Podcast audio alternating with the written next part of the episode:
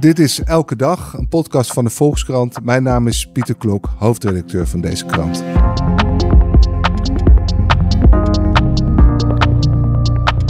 De aanvallen op Gaza zijn in volle hevigheid hervat. Hoe is de stemming in Israël tijdens en na de gevechtspauzes? We spreken erover met Sascha Kester, die daar vorige week was. Sascha, jij volgt Israël al uh, enkele jaar voor ons. Je bent er ook vaak geweest. Uh, ja, nu was je er eigenlijk voor het eerst sinds de, aanslagen van 7 oktober weer in het land. Je hebt met veel mensen gesproken. Je bent met veel plekken geweest. Daar gaan we het straks over hebben.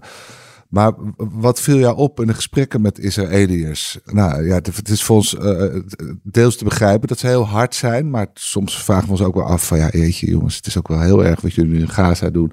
Proef je in Israël al enige reserves daarbij? Dat ze denken van, nou ja, ze gaan nu wel heel hard tekeer, ons leger? Nee, absoluut helemaal niets. Het is heel raar als je door Tel Aviv loopt. Dat is op, nou ja, anderhalf uur reisafstand van Gaza. Dan merk je op het eerste gezicht gewoon helemaal niet dat er heel erg dichtbij allemaal mensen worden uh, gebombardeerd en sterven.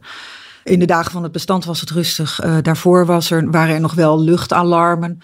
Uh, ja, dan gaat de sirene af, dan verlaten mensen het terras, want die zitten s'avonds buiten op een terrasje te eten. Het is daar nog een, uh, een aangename boven de 20 graden.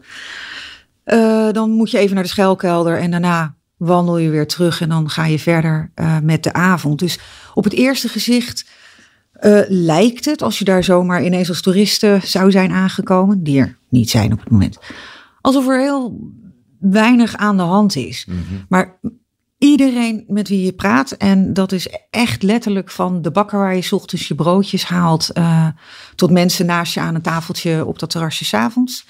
Iedereen heeft het wel over de oorlog, maar dan met het perspectief op het, op het eigen leed, op wat er met Israël is gebeurd.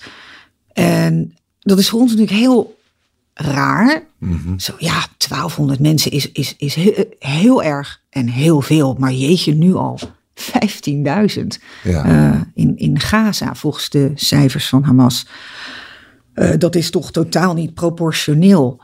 Maar als je naar hun vertrekpunt mm. kijkt, dan. dan uh, het is een vrij klein land. Ja. Ja, op Nederlandse schaal zouden het ongeveer 2500 mensen zijn. Die zijn precies, als je je bedenkt uh, toen hier de MH17 was ja, neergestort. Hoeveel mensen al iemand zelf hadden verloren of in ieder geval iemand kende met wie dat mm. was gebeurd.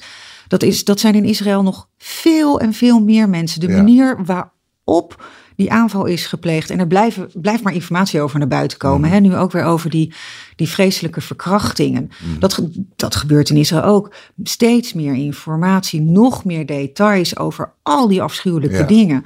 Je voelt een enorme angst bij mensen. De, zij hebben gewoon te maken met een buurman die, die, die daar nog steeds zit die, die, die, die, die, komen, die komen je huis binnen, die verkrachten je vrouw, schieten een kogel door de kop, sleuren je kinderen mee in een tunnel of maken die ook dood. Mm -hmm. En blijven ook tijdens deze oorlog, tijdens deze bombardementen, maar erop hameren van ja, en als we de kans krijgen, dan doen we dat weer. Uiteindelijk ja. willen we jullie weg hebben. Dus dat is het perspectief ja. waar vandaan uh, de Israëliërs hun, hun angst voelen en hun boosheid en uh, er geen ruimte is in, op dit moment in de gesprekken en in de samenleving mm-hmm. voor het leed van de ja, Palestijnen. En, dat, en, daar willen ze het ook nog steeds over hebben. Hè? Dat zie je ook in de Verenigde ja. Naties. Daar zou het misschien over Gaza moeten gaan. Vooral maar zij zeggen, nee, we willen het nog hierover hebben. En we vinden dat er onvoldoende erkenning voor is. De ernst van die gebeurtenis wordt onvoldoende gezien door de wereld. Of dan, dat gevoel stralen ze heel erg uit. Maar dat voel je dus ook in het land. Ze willen het nog steeds daarover hebben. En het is eigenlijk nog te vroeg om het over Gaza te hebben, nog steeds. Ja, ook omdat die oorlog natuurlijk zo vreselijk snel begon. Mensen zijn nog helemaal niet aan hun rouw toegekomen. Nee. Er is iets verschrikkelijks gebeurd en direct daarna uh, gingen ze Gaza in. Er zitten nog steeds heel veel gijzelaars uh, in Gaza vast. Dus je, de, de, druk die je ziet op de regering van jongens, hallo, uh, moeten we niet een beetje rustig aandoen met die bombardementen, met deze oorlog, uh, die komt eigenlijk van familie van gijzelaars. En ook dat is dus grotendeels niet met het leed van de Palestijnen in het achterhoofd, maar met je broertje ja. of, of, of uh, je, de oma van je kinderen die nog steeds ja. daar zit. Ik heb daarover gesproken. Uh, er is een uh, vooraanstaande columnist en mm -hmm. opiniemaker, Gideon Levy. Die schrijft voor de linkse krant Haaretz. Dat is een van de weinige media waar überhaupt wel enige aandacht is voor wat er op dit moment in Gaza gebeurt. Want je ziet het ook niet. Hè? Nee, het is niet, het is niet, niet op, op televisie. Nee.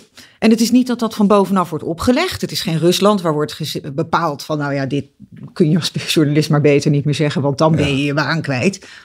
Het zijn de journalisten en de nieuwsorganisaties zelf uh, die, die ervoor kiezen om daar helemaal niet op in te maar gaan. Het gaat nog steeds over wat er is gebeurd op 7 oktober. Het gaat om wat er is gebeurd op 7 oktober, um, over hoe de wereld uh, Israël niet begrijpt en in de steek dreigt te laten. Het antisemitisme uh, in westerse landen. Um, nou ja, wat, wat, wat de, uh, die columnist, opiniemaker ook tegen mij zei, Gideon Levy.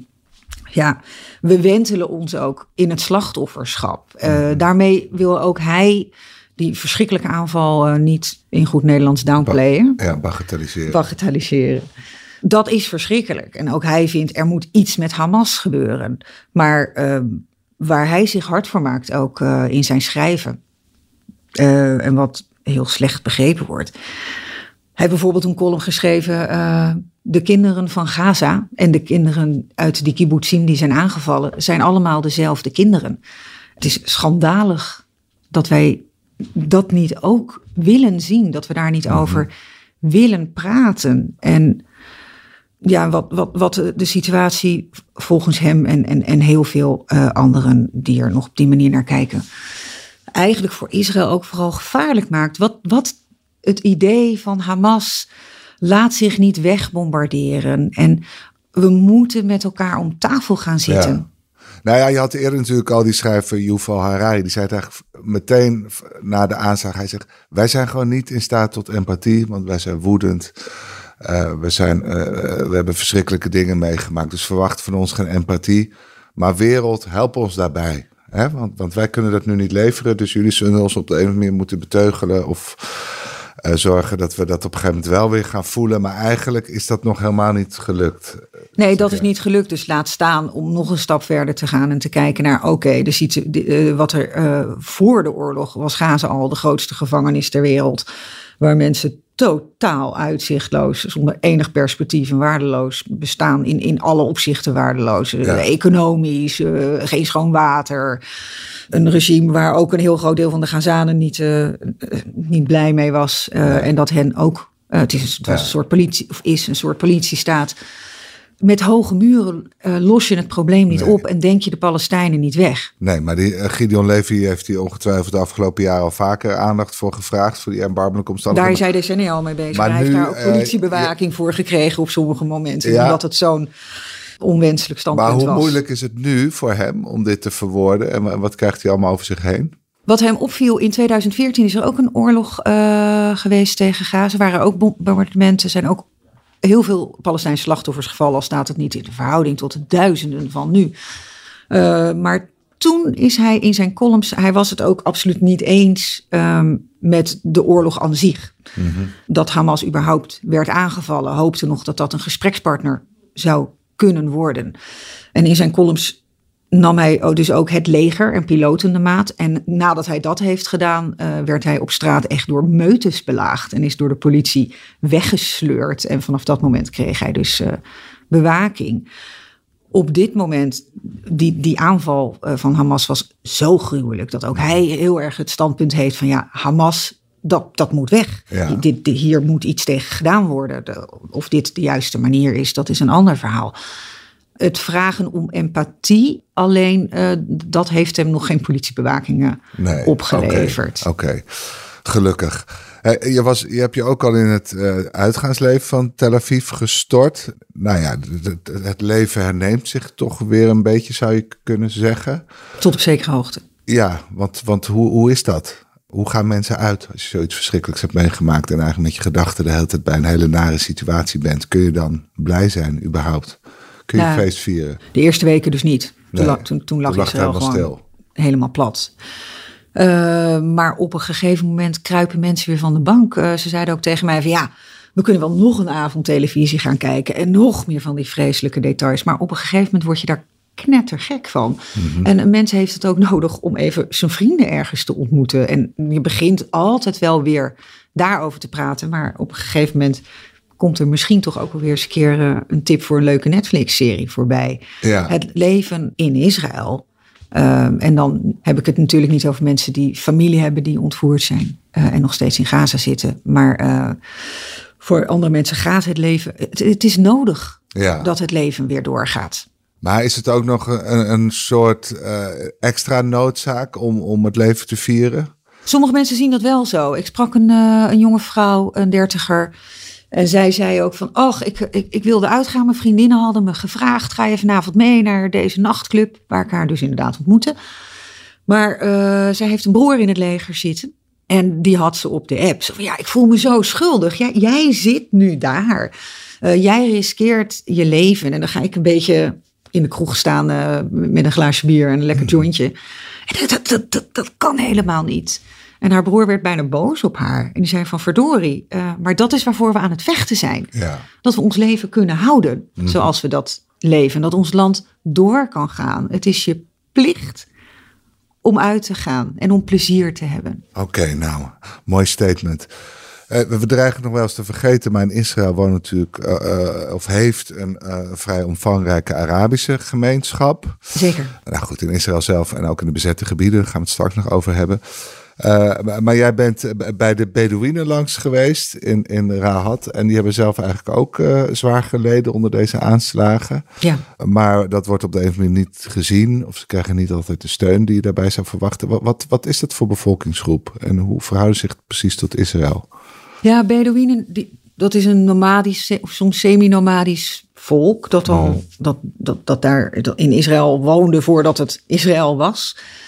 En, en, en met, met koeien en geiten en vee eh, trok naar, naar grazige weiden eh, Met tenten. met tenten, inderdaad. Daar wonen zij nu niet meer. Dat is minder en minder geworden. En in de jaren negentig zijn bijna alle Bedouinen toch eh, gehuisvest geraakt. in, in dorpen en in steden, waaronder trouwens heel veel illegale dorpen. Dus die zijn niet erkend door eh, de Israëlische staat. Dat is lange tijd een heel groot probleem geweest. Eh, nu er wel zonnepanelen en zo zijn, is het feit dat je niet meer bent aangesloten op het elektriciteitsnetwerk eh, al een iets minder groot probleem. Maar goed, het zijn, het zijn Israëliërs. Ja. Het, eh, het, z- het zijn mensen met een Israëlisch paspoort. Eh, ze wonen in Israëlische steden. Ze mogen stemmen. Ze, mogen ze, ze mogen zichzelf verkiesbaar stellen. Ze dienen ook in het leger. Bedouinen zijn zeer gewaardeerde spoorzoekers. En zij wonen, eh, of Rahat, en heel, heel veel Bedouinengemeenschappen bevinden zich in de omgeving van Gaza. Veel Bedouinen hebben ook familie in Gaza. Het zijn Israëliërs, maar het zijn ook Arabieren, het zijn ook moslims. Omdat zij Israëliërs zijn, heeft Hamas in ieder geval geen onderscheid gemaakt. Op het moment dat die aanval plaatsvond, werd niet gevraagd: Goh, bent u misschien moslim, meneer? Ze zijn ook doodgeschoten. Zij zijn ook ontvoerd. Er zijn eh, vier Bedouinen die eh, in een kibbutz eh, aan het werk waren, ook meegenomen naar Gaza. Daar zijn er nu twee minderjarigen, daarvan zijn nu vrijgelaten vorige week. Er was ook een heldenverhaal. Een Bedouin met, een, met een busje. Die zou als taxi op dat technofestival, wat zo is aangevallen, een aantal meisjes ophalen. En ochtends al begonnen zij hem te appen dat er iets vreselijks gaande was. Hij is in dat busje gesprongen, direct naar dat festival gereden. Heeft in dat busje 32 mensen weten te proppen. Omdat ze werden beschoten, is hij door de velden eh, waar hij goed de weg kende. eh, wist hij levend weg te komen met al die mensen. En een hele andere meute eh, auto's is achter hem aangereden. En is op deze ma- manier zichzelf in veiligheid weten te brengen. Heldenverhalen. En dat is ook wel gezien door Israël. Isaac Herzog, de, de president, is bij de gemeenschap op bezoek geweest. Eh, premier Netanyahu heeft lovende woorden eh, gesproken over deze gemeenschap. Tegelijkertijd hebben zij eh, nou, want hè, vlakbij Gaza, raketten, best gevaarlijk. Zelfs als de Iron Dome ze wel uit de lucht weet te schieten, dan, valt nog, dan vallen die brokstukken nog naar beneden. Eh, en die kun je ook beter niet op je hoofd krijgen. Dat is ook een reden waarom je in die schuilkelder zit.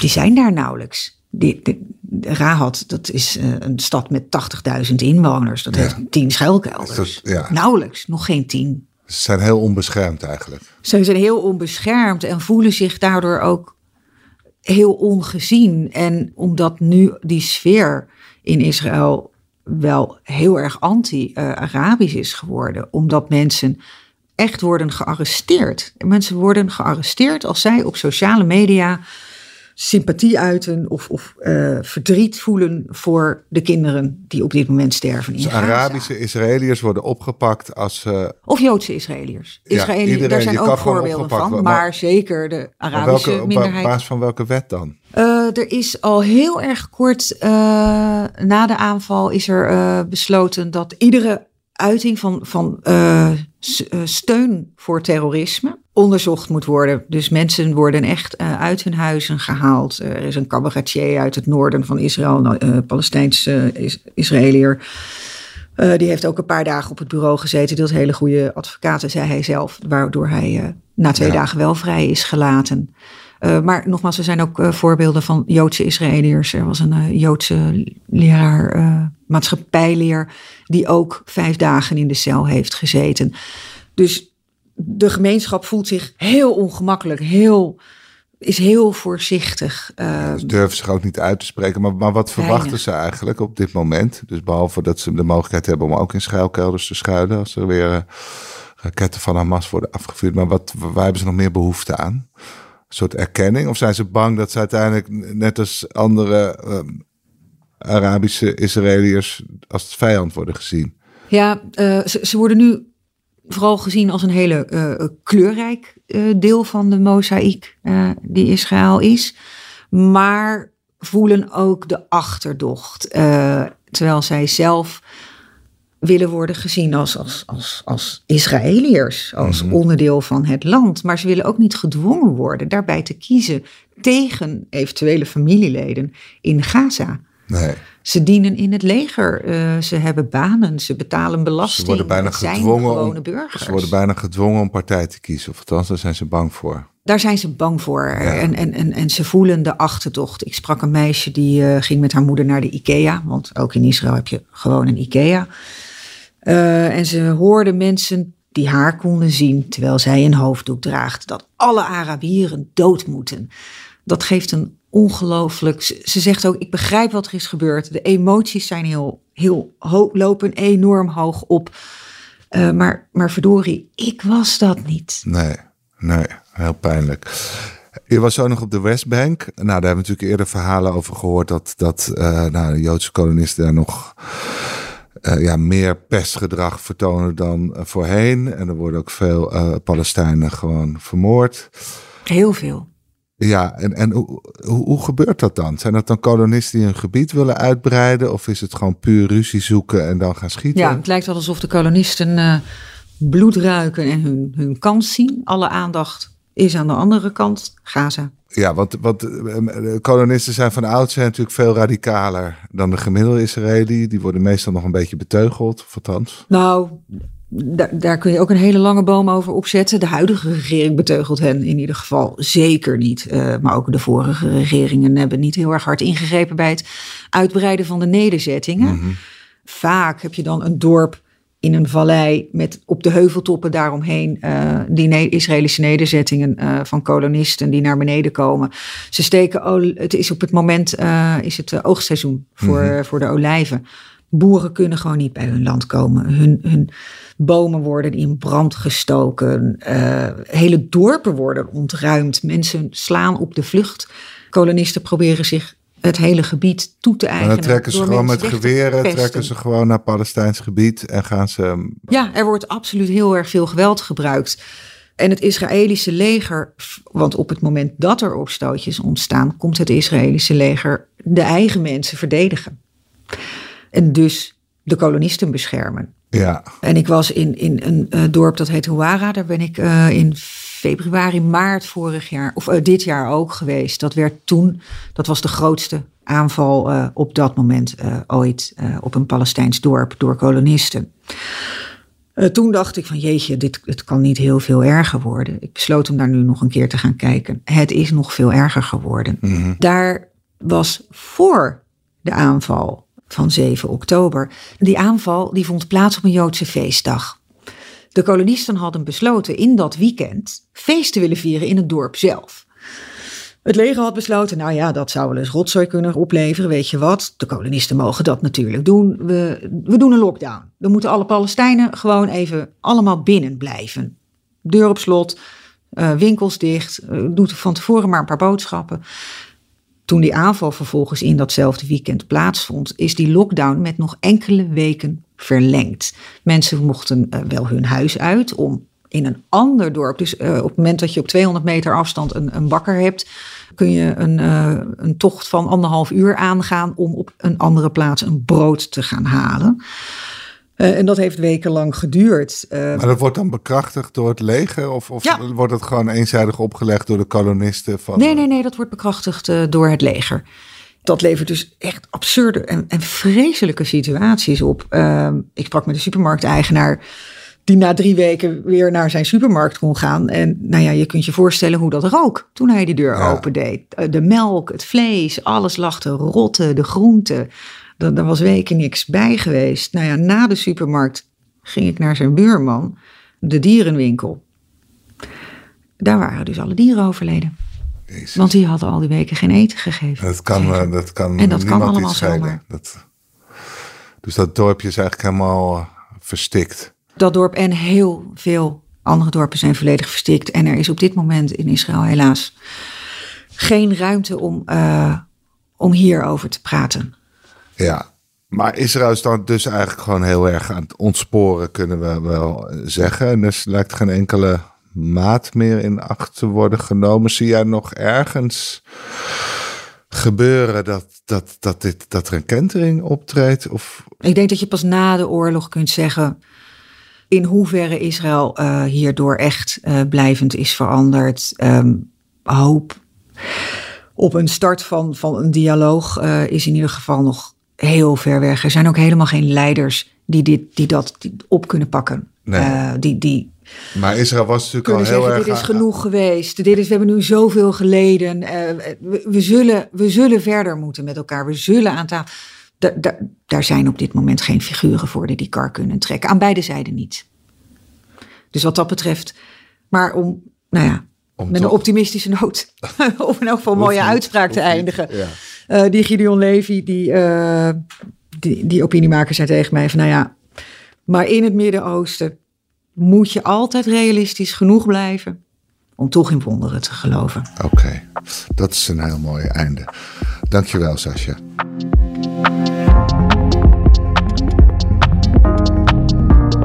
En u luisteraar, dank voor het luisteren naar de Volksstand Elke Dag. Deze aflevering werd gemaakt door Lotte Grimbergen, Julia van Alem en Rinky Bartels. Wilt u de Volkskrant steunen? Dat kan. Vooral door een abonnement te nemen. En dat kan u voordelig via volkskrant.nl slash podcastactie. Want deze podcast is gratis, maar onze journalistiek is dat niet. Morgen zijn we weer. Tot dan.